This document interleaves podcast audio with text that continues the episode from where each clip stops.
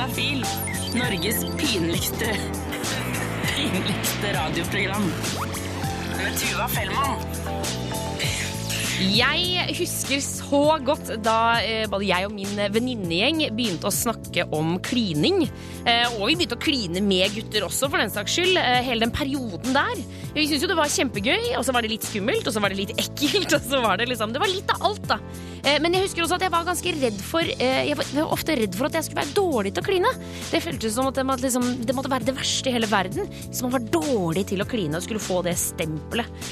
Og så hadde jeg hørt at man kunne øve seg, um, så jeg prøvde en stund å kline på armen min. Altså prøve å kysse på armen min. Men det er jo liksom flatt, så du får jo ikke så mye øving på det. Så, så jeg ville utvikle det, jeg ville øve på en annen måte. Og så var det jo mange som sa at ja, men du kan jo bare kline med venninner og øve på de. Men jeg syns ikke det var noe mindre flaut å være dårlig til å kline overfor venninnene. Da ble det jo liksom, Og så blir det en helt annen greie, så det var jeg heller ikke komfortabel med. Men så var det da en dag hvor jeg hadde hørt om det å kline med en tomat. Jeg hadde hørt at det skulle være liksom en måte å øve seg på som var helt fantastisk. Skulle skjære av en del av tomaten, klemme ut noen av de der eh, guggete frøa, og så skulle man prøve seg. Og Jeg kjenner at det er flau, jeg blir flau av å si det nå, men da kan du bare se for deg. Jeg satt inne på rommet mitt hjemme hos, hjemme hos mamma og prøvde å kline med en tomat. Og det rant, og jeg søla. Og herregud, jeg satt der alene og gjorde dette her fordi jeg var så redd for å være dårlig til å kline. Å herregud, Jeg følte jo på ingen som helst måte at det funka. Jeg tror ikke jeg ble noe bedre til å kline. Jeg fikk bare tomat i hele fjeset, så jeg anbefaler det kanskje egentlig ikke nødvendigvis.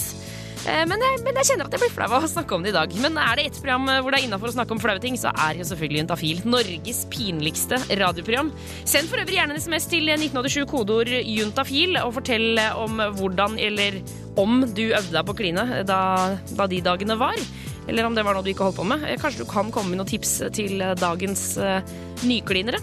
1987, kodeord juntafil i så fall. Velkommen til den litt klamme, svette og deilige juntafil-sfæren her på P3. Juntafil hver torsdag fra fem til sju. Norges pinligste radioprogram. Og vi eh, begynner å nærme oss slutten av vårt sølibateksperiment. Vi har nemlig fått med oss Thea på 20 år og Christian på 27, som på hver sin kant skal holde seg borte både fra onanering og sex i en hel måned. Og vi har nå kommet til uke tre, og Thea hun er i et forhold som har godtatt situasjonen. Det går, det går greit. Jeg føler jeg har uh, sånn, blitt litt mer vant til at dette er det som er livet mitt nå. jeg har godtatt det litt mer. Um, men jeg, jeg blir liksom gradvis mer, mer kåtere nå. Jeg tror jeg fordi det snart er ferdig. Og da, da, da vet ikke jeg, kroppen skrus på igjen. Og det er jo litt morsomt at det kommer fra Thea, som før prosjektet var i gang sa at hun den siste tida hadde slitt med å bli kåt. Kristian sitter på den andre sida av byen. Han er singel, og fram til nå så har han klart seg ganske bra med det å klare å ikke bli kåt. Og han har da ikke runka på tre uker. I løpet av denne uka her så har jeg faktisk merka det litt mer jeg eh, er kåtere. Spesielt når jeg kommer hjem fra skolen.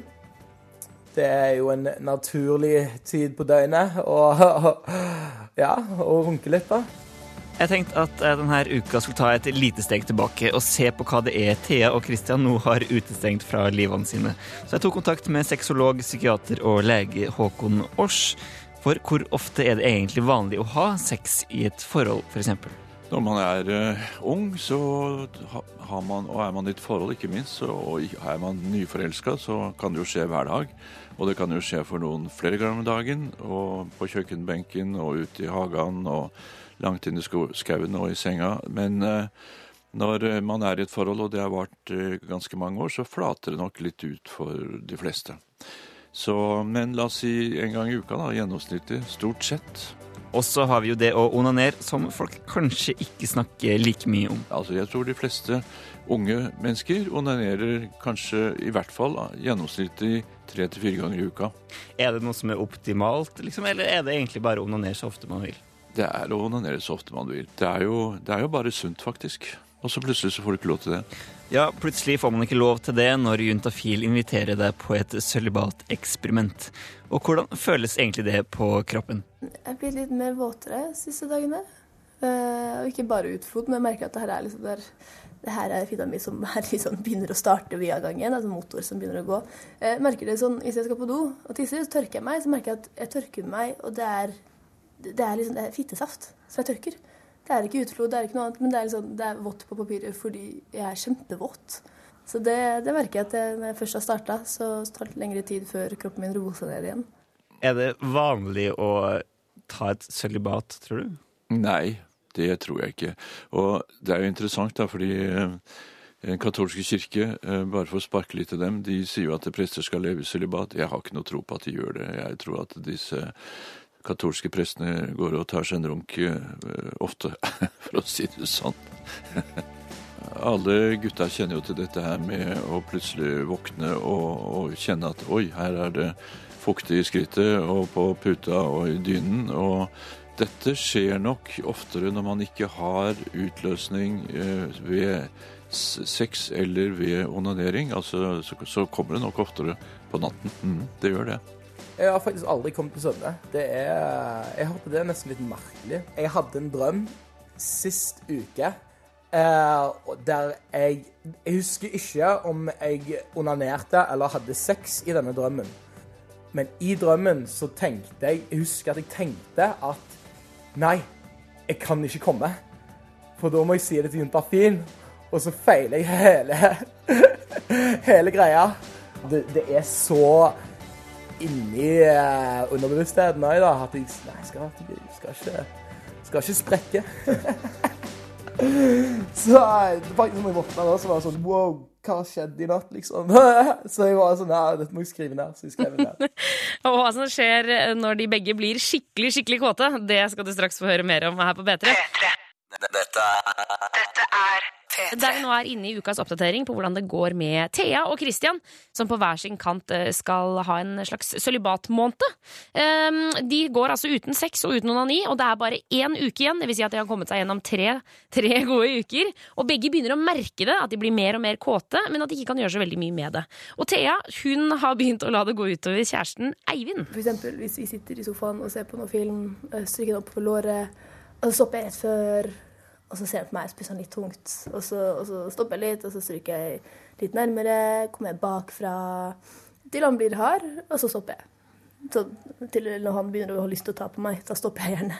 Nei, nei, det får du ikke lov til. Jeg ligger på telefonen min med Facebook og scroller nedover.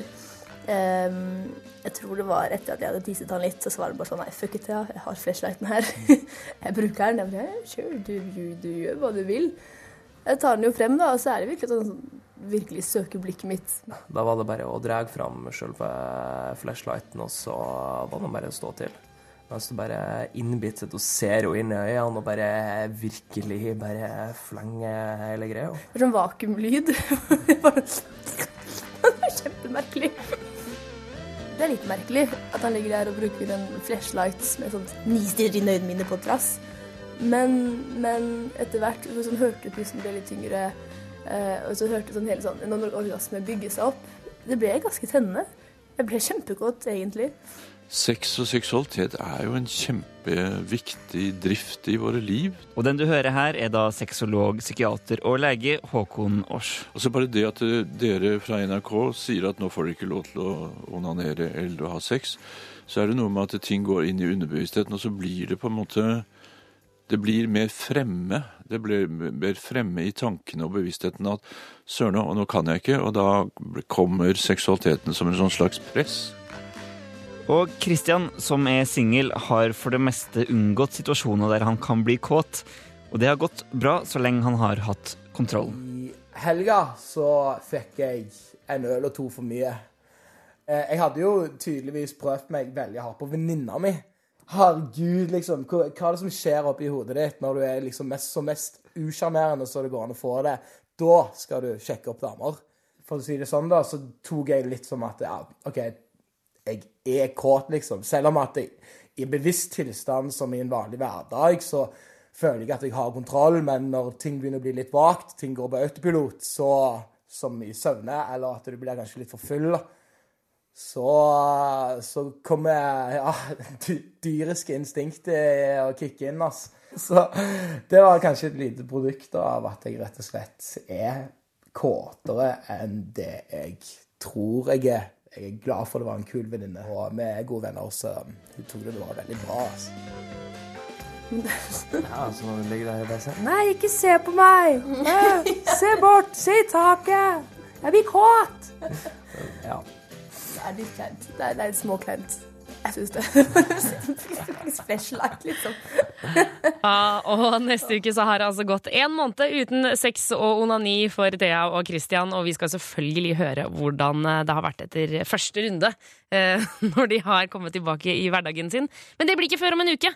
Eh, og selvfølgelig så hører du på Juntafil, det glemte jeg å si. Våre Vår reporter her var Remi Horgard. Hvor vi har fått besøk av Trine fra Sex og Samfunn. Velkommen til Juntafil, Trine. Tusen takk. Eh, Sex og Samfunn det er en gratisklinikk som ligger i hovedstaden, men på torsdager så er får hele landet utnytta av dere. Det er veldig koselig. Ja, det er bra, for eh, vi har jo mye spørsmål alle sammen. eh, Og du kan sende inn til 1987, kodeord juntafil hvis du har et spørsmål om sex, kropp og følelser. Skal vi bare hive oss uti, eller? Det gjør vi. Um, det er fra gutt 22 her, hvor det står Hei, juntafil. er det sant at man kan være allergisk mot kondomer? Hvordan vet jeg at jeg er det, og finnes det noe alternativ? Ja, og man kan jo være allergisk særlig mot det latekset som fins i eh, kondomene. Fader, da syns jeg verden er urettferdig. Altså. Ja. Når du først er flink å bruke kondom, så sier kroppen sånn Nei, dette skal vi ikke ha! Ikke sant? Og det er ganske fortvilende for de som har det. Og det er litt forskjellig hvordan man merker det, for man kan ha allergi på litt forskjellige måter. Noen kan ha noe som heter sånn straksallergi, og det er sånn typisk de som er allergiske mot nøtter, og så bare de får en nøtt på tunga, så blir de kjempedårlige. Ja, og jeg hovner opp i hele kroppen. Ja, og... ja, det er sånn man ser gjerne på film. Ja. Uh, og så er det jo de som er litt mer sånn eh, lang, langtidsallergiske. Ja, Hvor det kommer litt sånn kløe og prikker Ja, og sånn? Ja, gjerne ikke sant? du går med klokke, og så plutselig merker du etter noen dager at du har fått litt eksem, eller du har brukt noen hansker på jobben, og så går det en liten stund, og så er du tørr og rødsprukken på hånda. Ikke sant? Ja, Så det er litt, to litt forskjellige måter å bli allergisk på. Eh, og man kan ha begge deler når det gjelder lateks. Og da er det jo sånn at man må ha noe som heter lateksfrie kondomer. Ja, for det fins det alternativ. Det gjør det. Men jeg skal vedde skjorta på at de er dyrere enn vanlig. Eh, det kan nok være, og det er menn. Altså Sånn som vi på Sex og Samfunn, vi har lateksfrie kondomer gratis. Eh, Så hvis man ber om det, så er det mange helsestasjoner som har det. Mhm. Dessverre får man det ikke på gratiskondomer.no. Nei. Eh, Men eh, det fins mange steder som gir ut lateksfrie kondomer også. Ok. Gratis. Men er det, kan både gutten og jenta være allergisk mot dette? Ja, det kan man. I. Ja, sånn at eh, det er eh, greit å være obs på hvis man merker man får veldig mye plager når man, bruker, når man har sex med kondom. Mm. At man da kanskje er allergisk mot kondomet. Men eh, til alle dere som har hatt ubeskytta sex nå og klør litt på pikken og tenker sånn, ja, men da er det helt sikkert allergi jeg har. Mm, ja, det kan hende at det er noe annet også, altså. Veldig vanlig at det er noe annet. eh, Og man merker jo det ofte Den kløen sitter eh, gjerne sånn Den sure kløen, er det ikke det det kalles? altså sure kløen, er det klamydiaklønn? Ja.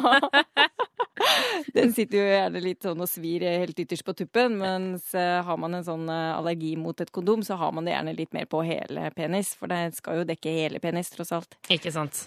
Ok, så da veit du det, gutt 22, at du kan være allergisk mot eh, lateks, og det finnes alternativ. Og da vil jeg bare gå til nærmeste hva det heter, helsestasjon for ungdom, hvis du har det i nærheten.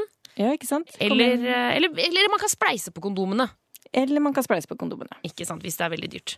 Eh, vi skal svare på flere spørsmål. Send inn ditt til 1987, kodeord juntafil. Ta gjerne med kjønn og alder på SMS-en din, så får Trine gitt deg et riktig svar. 1987, kodeord juntafil der, altså. Nå skal du få Sia. Her er Cheap Thrills på P3. Dette er P3, hvor vi fortsatt har besøk av Trine fra Sex og Samfunn, som svarer på spørsmål som kommer inn til 1987, kodeord juntafil. Trine, man kan også stille spørsmålene sine inne på sexogsamfunn.no. Eh, Der er det noen som sitter og svarer, eh, i tillegg til at du sitter her på radioen og svarer. Ja, vi har noe som heter en chat eh, gående, sånn at hvis man klikker seg inn på den lille chat-knappen på sexogsamfunn.no, så får dere masse god hjelp. Husker, det er jo noe som vi kaller for en chat. Ja. Det vet vi hva er. Spade for en spade, en chat for en chat, men Ikke sant? Du, Vi har fått inn et spørsmål her som er litt langt, em, og som, som jeg blir blir litt, jeg blir litt bekymra av det. Det står Hei, juntafil. Jeg er en jente på 23 år. Har hatt eh, kjæreste i litt over et år. Har gått på Jasmin, eh, altså et p-pillemerke, i åtte år. Hopper over mensen eh, i tre måneder pga. smerter. To ganger midt under samleie så har det skjedd at jeg får et slags anfall. Jeg får vondt i ryggen, magen, blir kvalm, vondt i hodet, trykk på ørene, kaldsvetter og blir så svimmel at jeg ikke kan reise meg. Dette varer i ca. ti minutter og har skjedd to ganger på seks måneder. Cirka fire ganger har det også skjedd når han penetrerer. Det føles som et balltre som blir slått opp i magen min, og jeg får så vondt at jeg reagerer med å hyle. Det varer i ca. en uke, og så kan det komme tilbake en måned senere. Hva kan dette være? Har bare skjedd med han. Vi har et veldig bra sexliv, men det er selvfølgelig utrolig ubehagelig for begge parter. Har vært hos fastlegen som sendte meg videre til gynekolog, men har ikke dratt ennå. Kan det være endometriose? Eh, håper virkelig dere kan hjelpe meg. Hilsen bekymret jente. Først og fremst, hva er dette E-ordet? Endometriose, Ja. ja, det er noe som burde egentlig være veldig vanlig for alle, og jeg har hørt flere ganger. For det er så mange som opptil 5-10% kvinner som har det. Eh, og det er eh, Nå skal jeg prøve kort forklart. Eh, det er en blogg som heter Underlivet, og de lagde en veldig fin eh, forklaring på det. Inne i livmoren så har vi noen celler som vokser når man eh, ikk- og som detter ut som mensen når man eh, ikke har fått en befruktning av noe egg. Ja. Og disse cellene, de kan emigrere, akkurat som nordmenn emigrerer til Spania. Oh, ja. Og som nordmenn i Spania, så fortsetter de å oppføre seg som nordmenn, selv om de er i Spania. Så selv om disse endometriosecellene ligger i magen, eller de kan til og med være i nesa, okay. så oppfører de seg som om de sitter i livmoren. Og det vil si at de blør hver måned, akkurat sånn som man gjør når man har mensen. Så, så eh, endometriose er altså blødninger? Endometriose er eh, altså vanlige celler som skal være i livmoren, som har kommet seg ut av livmoren Mhm. til andre steder i kroppen, og som da blør når man har mensen i andre steder av kroppen. Og det gjør jo at det området blir ganske irritert. Jeg ville vært ganske irritert hvis jeg var spanjol og hadde en eh, sånn skikkelig irriterende nordmann boende ved siden av meg. som, Men, men, men sånn fysisk, hva skjer med kroppen? Er det liksom, hva, hva er tegnet på dette her? Det er det som er at eh, veldig mange har det uten at man har noe plage med det. Men eh, det mest vanlige er at man kan få veldig, veldig smerter under, eh, når man har mensen. Fordi man får en eh, reaksjon da, i det området hvor, som blør. Eh, Det kan jo også til og med være sånn at man, hvis man har det i nesa, så blør man neseblod hver mensen. Ok. Det er jo en ganske sjelden kuriositet-variant av det, men det, det fins det òg. Og det kan også være sånn at man har smerter da når man eh, skal ha avføring, fordi eh, disse lager en irritasjon rundt endetarmen. Man kan ha smerter når man tisser i de periodene, fordi disse cellene kan være rundt urinblæra. Og man kan ha smerter ved samleie. Nettopp. Um, vi skal spille eh, Philip Emilio med 'Skamløs', og så skal vi snakke mer om disse, eh, disse anfallene som den jenta på 23 skriver om. Uh, så det blir straks her på P3. Dette er Dette er Dette er P3. Hvor vi fortsatt har besøk av Trine fra Sex og Samfunn. Og uh, Trine, vi har tatt for oss et spørsmål fra en jente på 23 år her. Um, Hun har forteller at hun går på Jasmin, altså p-pillemerket som hun har gjort i åtte år. Og så har hun begynt å få noen slags anfall, hvor hun får vondt i ryggen, blir kvalm, vondt i hodet, trykk på ørene og kaldsvetter. Og så har hun spurt om det kan være endometriose, eh, hvor du fortalte at eh, det er en tilstand hvor eh, vev fra slimhinnen i livmoren har flyttet seg til et annet sted på kroppen. Det stemmer. Eh, og, reagere, og holde på på samme måte, som gjør at man begynner å blø der, når man begynner å blø som hvis de hadde vært i, i livmoren. Ja. Men ok, så disse anfallene, har, altså, er de knytta opp mot endometriose? I, altså både ja og nei. Eh, man kan få veldig vondt når man har endometriose. Og de, det anfallet hun beskriver her, det høres veldig ut som noe som heter en vasovagal reaksjon. Dagen for vanskelige ord i dag. Ja, vasovagal? Ja, og det er rett og slett eh, en veldig sånn kraftig påvirkning av noen nerver som er inni kroppen, og veldig mange av dem er rundt livmoren. Og når man får veldig sånn aktivering av det, så blir man kjempesvimmel. Man eksempel ser det hvis man eh, får tatt en sprøyte og man har vært litt nervøs, og så er det noen som besvimer rett etter en sprøyte. Ja. Eh, Jeg kan se det på noen jenter som får satt inn spiral, eh, at de blir plutselig veldig uvelle. Og noen får det bare ved å stå lenge oppreist, og det er kjempeubehagelig. eh, Men det går over, og det er ikke farlig. Og det kan være at hun fikk veldig vondt, og at det ble en litt sånn overaktivering eh, av de smertene som gjorde at hun ble dårlig. At det rett og slett var det? Ja, Og det er ikke noe farlig, men det er utrolig ubehagelig. Er det litt sånn, Kan man nesten sammenligne med panikkanfall? på en måte? Ja, bortsett fra at du har ikke den der dundringen av hjertet og sånn. Det er mer sånn du blir kvalm, og så piper det i ørene, kan svartne litt for øya, og du rett og slett føler deg ordentlig dårlig. Ja. Og du bare Mange besvimer jo òg. Eh, Så det er jo viktig at når man kjenner at man får sånn anfall, at man bare legger seg ned. Men, okay, men hva skal denne jenta gjøre? Hun har jo eh, jeg har skrevet her at hun har fått time hos eh, gynekolog etter å ha blitt videresendt fra fastlege. Ja, for det, det som er at hun hopper jo allerede over mensen fordi hun har så vondt. Så det, er jo et tegn på at hun har veldig mye smerte ved menstruasjon. Mm. Sånn at eh, det kan godt være endometriose det her, det veit vi jo ikke. Det kan også være at det kanskje er noen syster eller noe sånt noe som gjør at det gjør veldig vondt når det blir støt mot det, mot underlivet. Mhm. Så det er veldig lurt at hun går til, eh, til gynekologen og får en liten ultralydundersøkelse. Da kan man liksom se litt inni der. Og så er det litt tricky med denne endometriosen, fordi den er ikke så lett å se.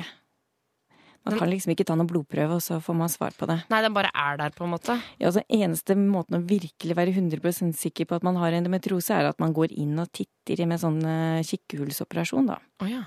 Men øh, altså jeg tenker på sånn øh, generelle smerter under samleie. Hvor, øh, hvor vare skal vi jenter være på det før man tar kontakt med en lege hvis man har vondt når man har sex? Jeg tenker at Det er jo ikke uvanlig at man kan ha det innimellom. Det som ofte skjer, er at man har det et par ganger, og så blir man redd. Og da blir det ikke så lett å ha sex etterpå, fordi man eh, klarer ikke å bli kåt og nyte det, fordi man er så redd for at det er noe gærent der nede. Mm. Og hvis man har den følelsen, så er det kanskje lurt å gå og snakke med noen. Ja. Fordi ellers så kan man komme inn i en litt sånn ond spiral.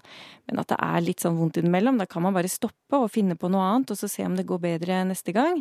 Ja, for da kan det jo være at man ikke har varma opp ordentlig. Ikke eller sånne ting. Men så kan det jo også være klamydia og sånn, kan det ikke det? Ikke sant. Sånn at det, hvis det er eh, noe som vedvarer neste gang og neste gang der igjen, eller noe ting ikke føles helt riktig, da er det mye bedre å gå og få sjekka det opp enn å gå og sitte sånn og være redd. For det, det gjør noe med sexlysten, og det gjør noe med deg.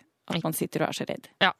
Eh, masse masse lykke til, Jente23, og tusen tusen takk for spørsmål. Eh, vi skal svare på flere litt seinere. Du hører på Du hører på P3. Og det å fantasere om å ha trekant, eller ha sex med det samme kjønn, eller ha sex utendørs Jeg tipper at de fantasiene er ganske vanlige, og jeg tipper også derfor litt lettere å prate med f.eks. venner om. Men idet du er noe smalere i preferansen, eh, så er det ikke nødvendigvis så lett. Kanskje i hvert fall ikke sånn ansikt til ansikt.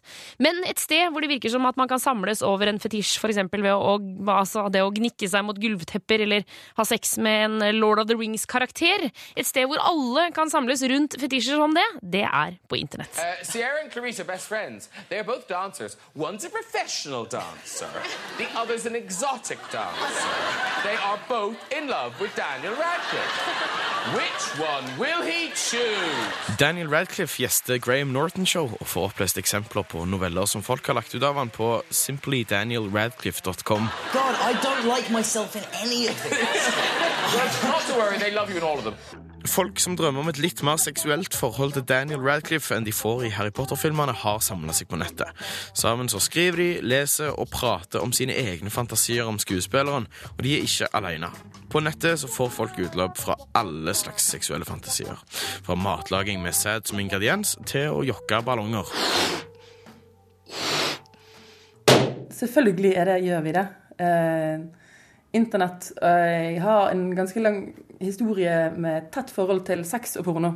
Det at folk, Noe av det første folk gjorde på internett etter at de søkte informasjon, var å prøve å finne seg noen å ligge med, er ikke, er ikke overraskende. Det er en, tydeligvis en drivkraft i mange av oss. Denne dama her har forska på folk og internett de siste åtte åra. Hei, jeg heter Kristine Ask. Jeg er universitetslektor på NTNU. Hva er det rareste du har eh, kommet over av eh, snåle internettfantasier? Um, ja, det er jo en regel på internett, um, altså regel 34, som sier at uh, hvis du kan tenke deg det, så finnes det porno. Uh, eller regel 35, at hvis det ikke finnes porno av det ennå, så blir det laget. Eh, Jeg tror personlig jeg fikk liksom, hørt opp i en del sånn eh, barndomsdrømmer om MASH, syns jeg, som, i, som, som har porno. Uh, Selvfølgelig My Little Pony, som har fått noen helt annen betydning. For det fins mye rart der ute. Noveller om dinosaurer som forgriper seg på uskyldige mennesker. Bildeserier med side etter side av folk som deler bilder der de kommer på actionfigurer. Og ikke minst det ubegripelig store internettbiblioteket av fanfiction med en egen avdeling der alt er lov, nemlig Slash. Der kommer karakterer fra bøker, spill og filmer sammen på seksuelt vis på tvers av universene de kommer fra. Du skal få et lite eksempel jeg fant på internett etter et raskt Google-søk, her med Indiana Jones og Voldemort. The taper meg Det er ikke ansett som korrekt oppførsel. Hvisker Voldemort. Han skjelver i underleppa, og kroppen hans føles iskald.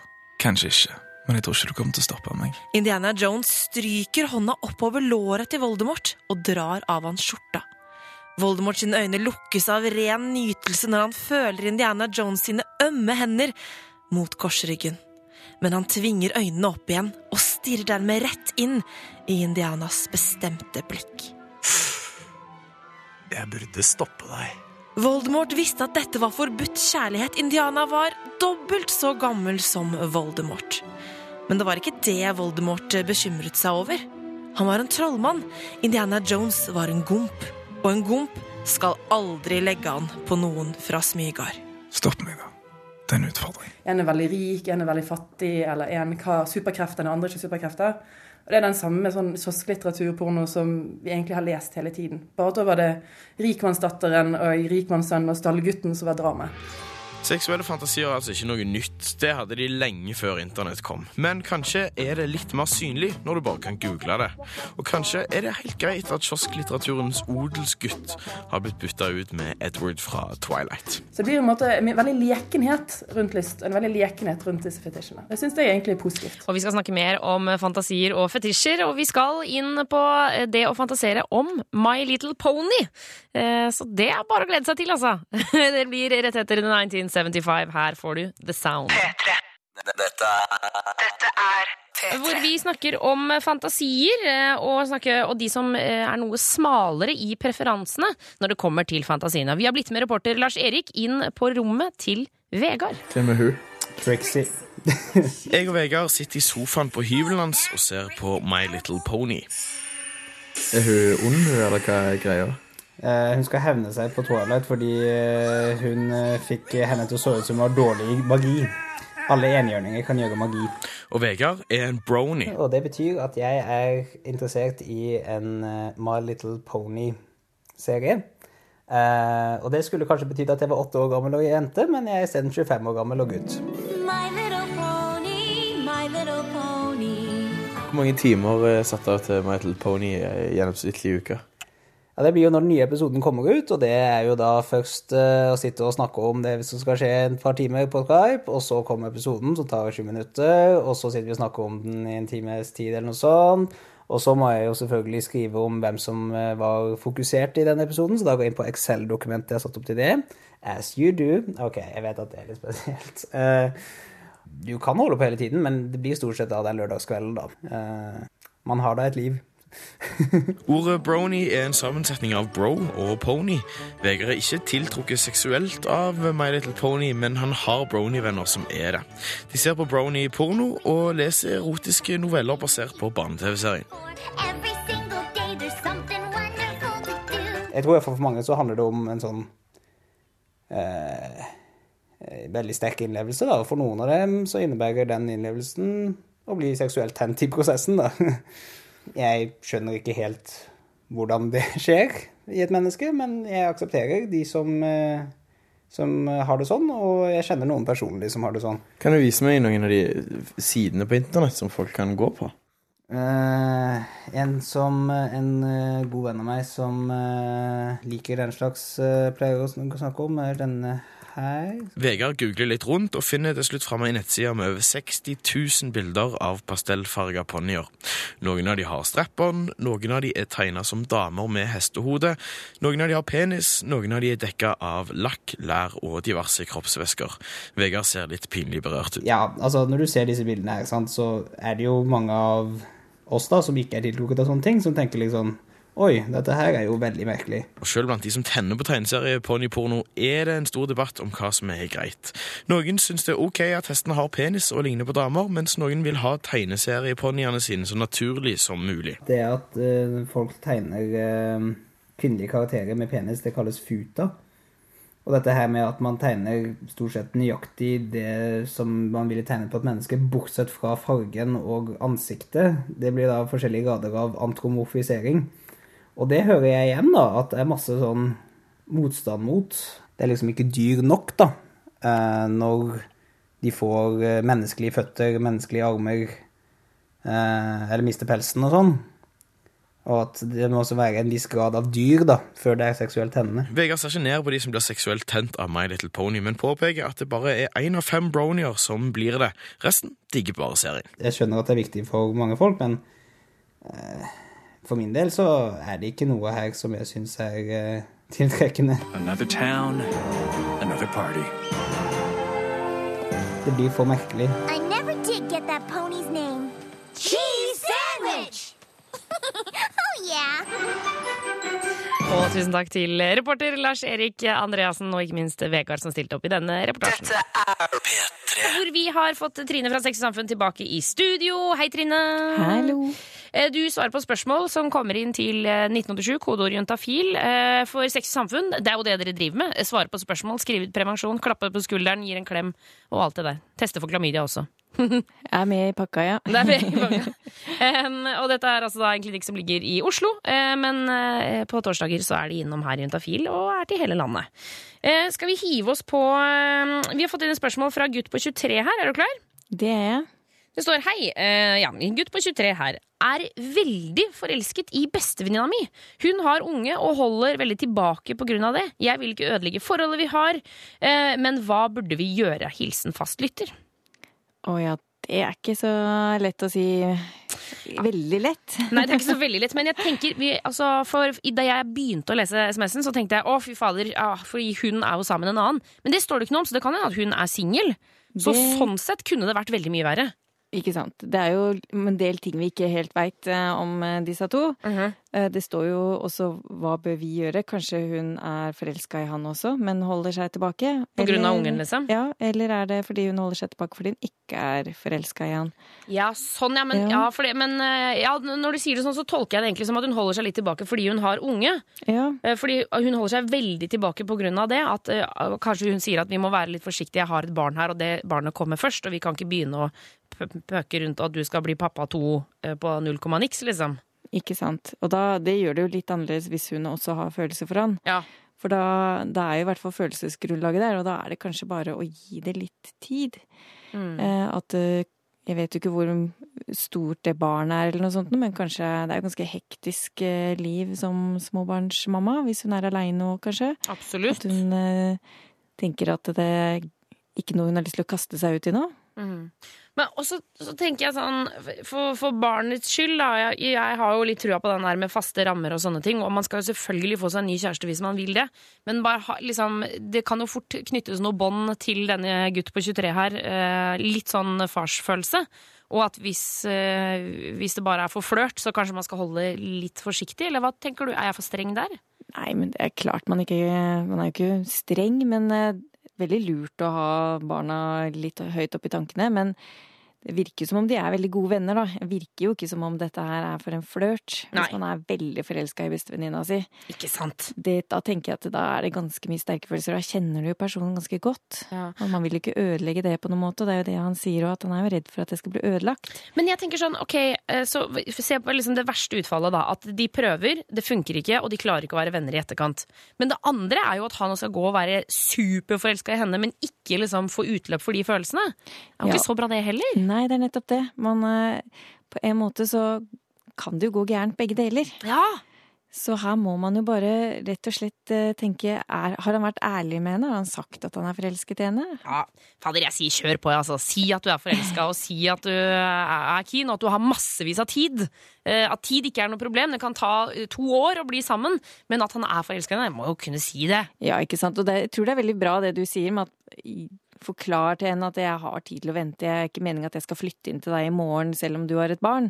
At uh, om det tar, eh, som du sier, to år, og at du er veldig mye opptatt og kanskje ikke har tid til å se meg mer enn annenhver helg, da, Ja. så kan jeg komme innom og si hei og trenger ikke akkurat å kaste seg over hverandre når barn er til stede. sånn, Men hvis de allerede er venner, så er det jo ganske normalt at han stikker innom. Ikke sant? Ja, så Det kan jo gå gradvis, så ikke barnet på en måte plutselig har mamma fått seg kjæreste. Ja, og så, skjønner jeg jo altså, Nå har vi jo tatt høyde for at hun er forelska i han også, da, men hvis hun ikke er det, og han prøver seg, og det faller, så, så, så, så er jo det da i så fall en trist historie.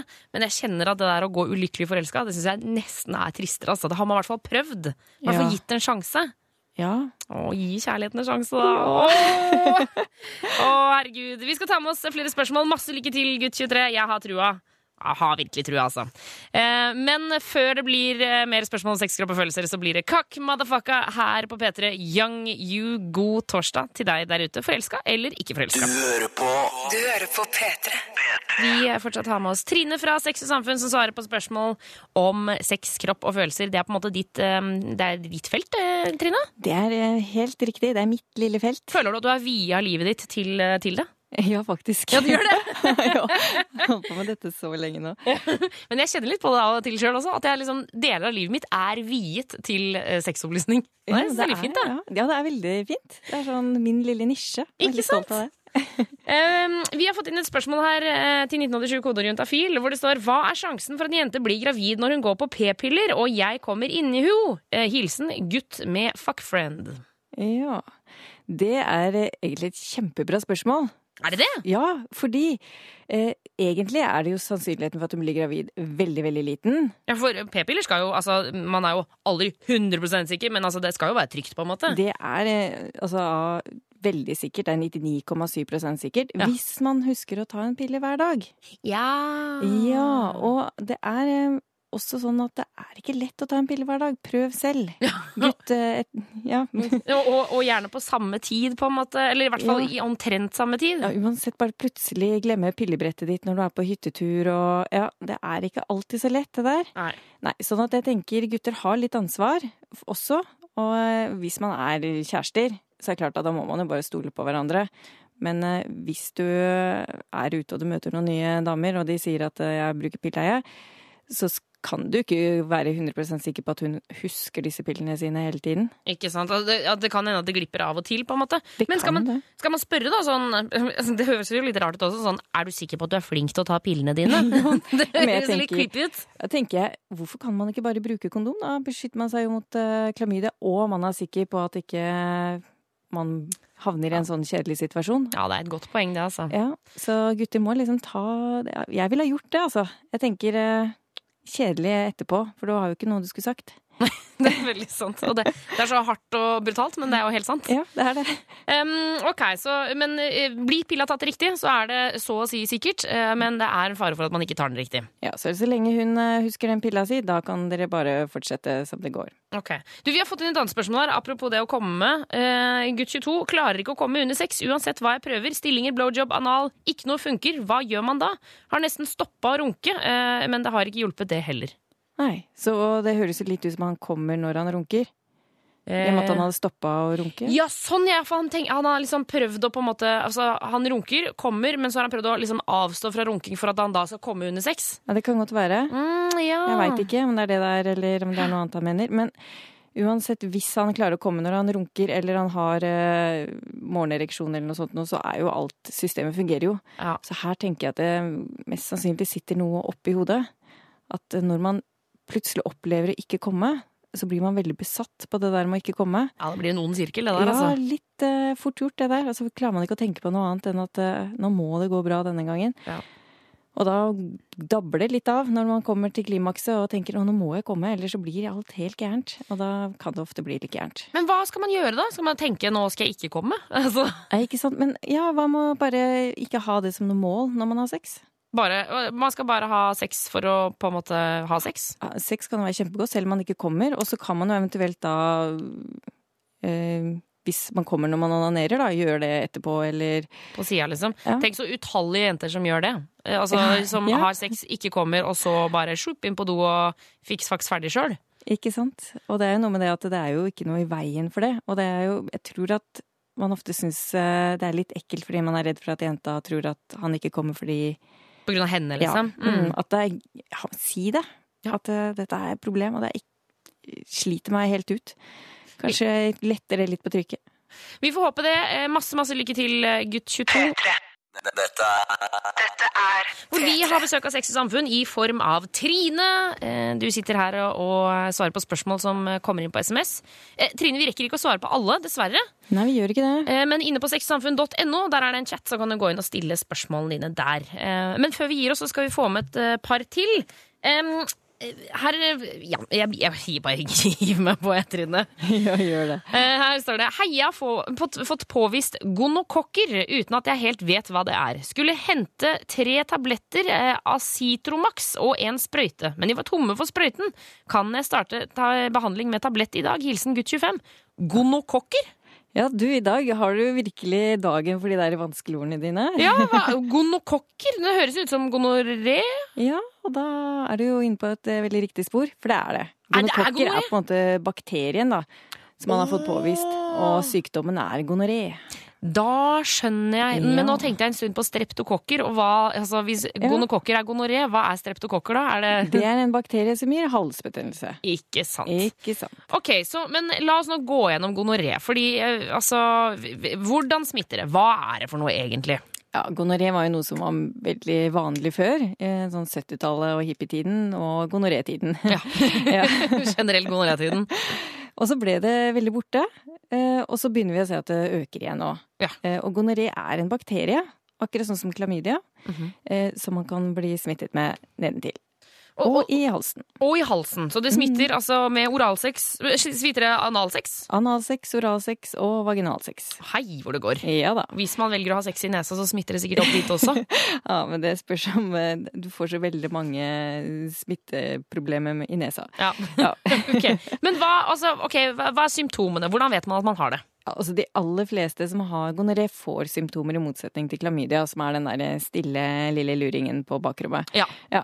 Så eh, gonoré, da får man ofte eh, ja, godt forklart tissepiggtrådfølelsen. tisse-piggtråd-følelsen. Ja. Eh, Det er det det blir kalt. Og så er det da for jenter en veldig kraftig utflod som kan være litt sånn grønnaktig. Ok. Og det kan jo gjøre vondt, og man kan ha noen blødninger, og det er jo også fare for at man får infeksjon oppover i bekkenet. Eh, Men når man har det i halsen, da trenger man ikke å merke noe som helst. Og heller ikke hvis man har det analt. Og det er jo derfor man har sett at eh, det kan smitte veldig lett uten fordi man har, eh, ikke beskytter seg når man har oralsex, eksempel. Eh, Men man beskytter seg når man har analsex. Og det er mest vanlig i eh, en gruppe menn som har eh, sex med menn. Mm. Men eh, det er også blitt en økende tendens hos heterofile. Ja. Og da er det veldig mange som blir smittet i utlandet. Så det er fortsatt ikke kjempevanlig i Norge. Men det er noen som blir smittet her også. Men er det, liksom, er det, er det farlig? Hva, hva, kan, hva kan skje? Ja, hva kan skje? Og det er jo, altså har du halsen eller har du det analt, så skjer det jo ingenting. Okay, da, da- da bare smitter du andre. Okay. Ja, Så det er ikke noe farlig for deg. Men uh, har du da oralsex med en annen, så får den personen det på penis, da. Mm. Ja. Nettopp. Men eh, har du det i skjeden eller har du det i eh, urinrøret, så kan disse bakteriene krabbe oppover. Og for gutter så kan det da gi betennelse i uh, bitestiklene. Og det er veldig vondt. Da blir det rødt og hovent, og de kan få feber. Eh, og for jentene så kan det klatre seg oppover i livmoren og ut i eggledere, og så gi en infeksjon der oppe. Altså, det høres ut som man skal bli kvitt dette her så raskt som mulig. Altså, da Tilbake til spørsmålet fra gutt 25 her, som har da fått tablettene, men de hadde ikke sprøyta. Kan han da starte behandlingen med en tablett i dag? Altså, de tablettene de er ikke så effektive mot eh, gonokokkene. Eh, De er mer en sånn litt for å passe på at de ikke blir resistente av den andre typen, den sprøyta. Mhm. Og så er det fordi veldig mange kan ha klamydia sammen med gonoré, og så av en eller annen grunn så blir ikke det så lett å påvise når man har eh, gonoré. Da er det ikke alltid at eh, klamydiasvarene blir riktig. Nei. Så man gir alltid Acitromax eh, ved siden av. Det er en annen, bakterie, annen antibiotikakur, det da. Så ok, Men så skal han da vente på sprøyta? Han kan godt ta den antibiotikakuren, men han burde få den sprøyta ganske raskt. Okay. Eh, I tillegg, da. For det, de eh, tablettene de virker jo Bruker en ukes tid på å virke. Ja. Men det er ikke de som kommer til å gi eh, lindringer hvis han har eh, plager, da. Det er den sprøyta. Lykke til, gutt 25 og Trine fra Sex og Samfunn. Tusen takk for at du kom innom Juntafil i dag. Jo, tusen takk for at jeg fikk komme. Hør flere podkaster på nrk.no podkast. P3.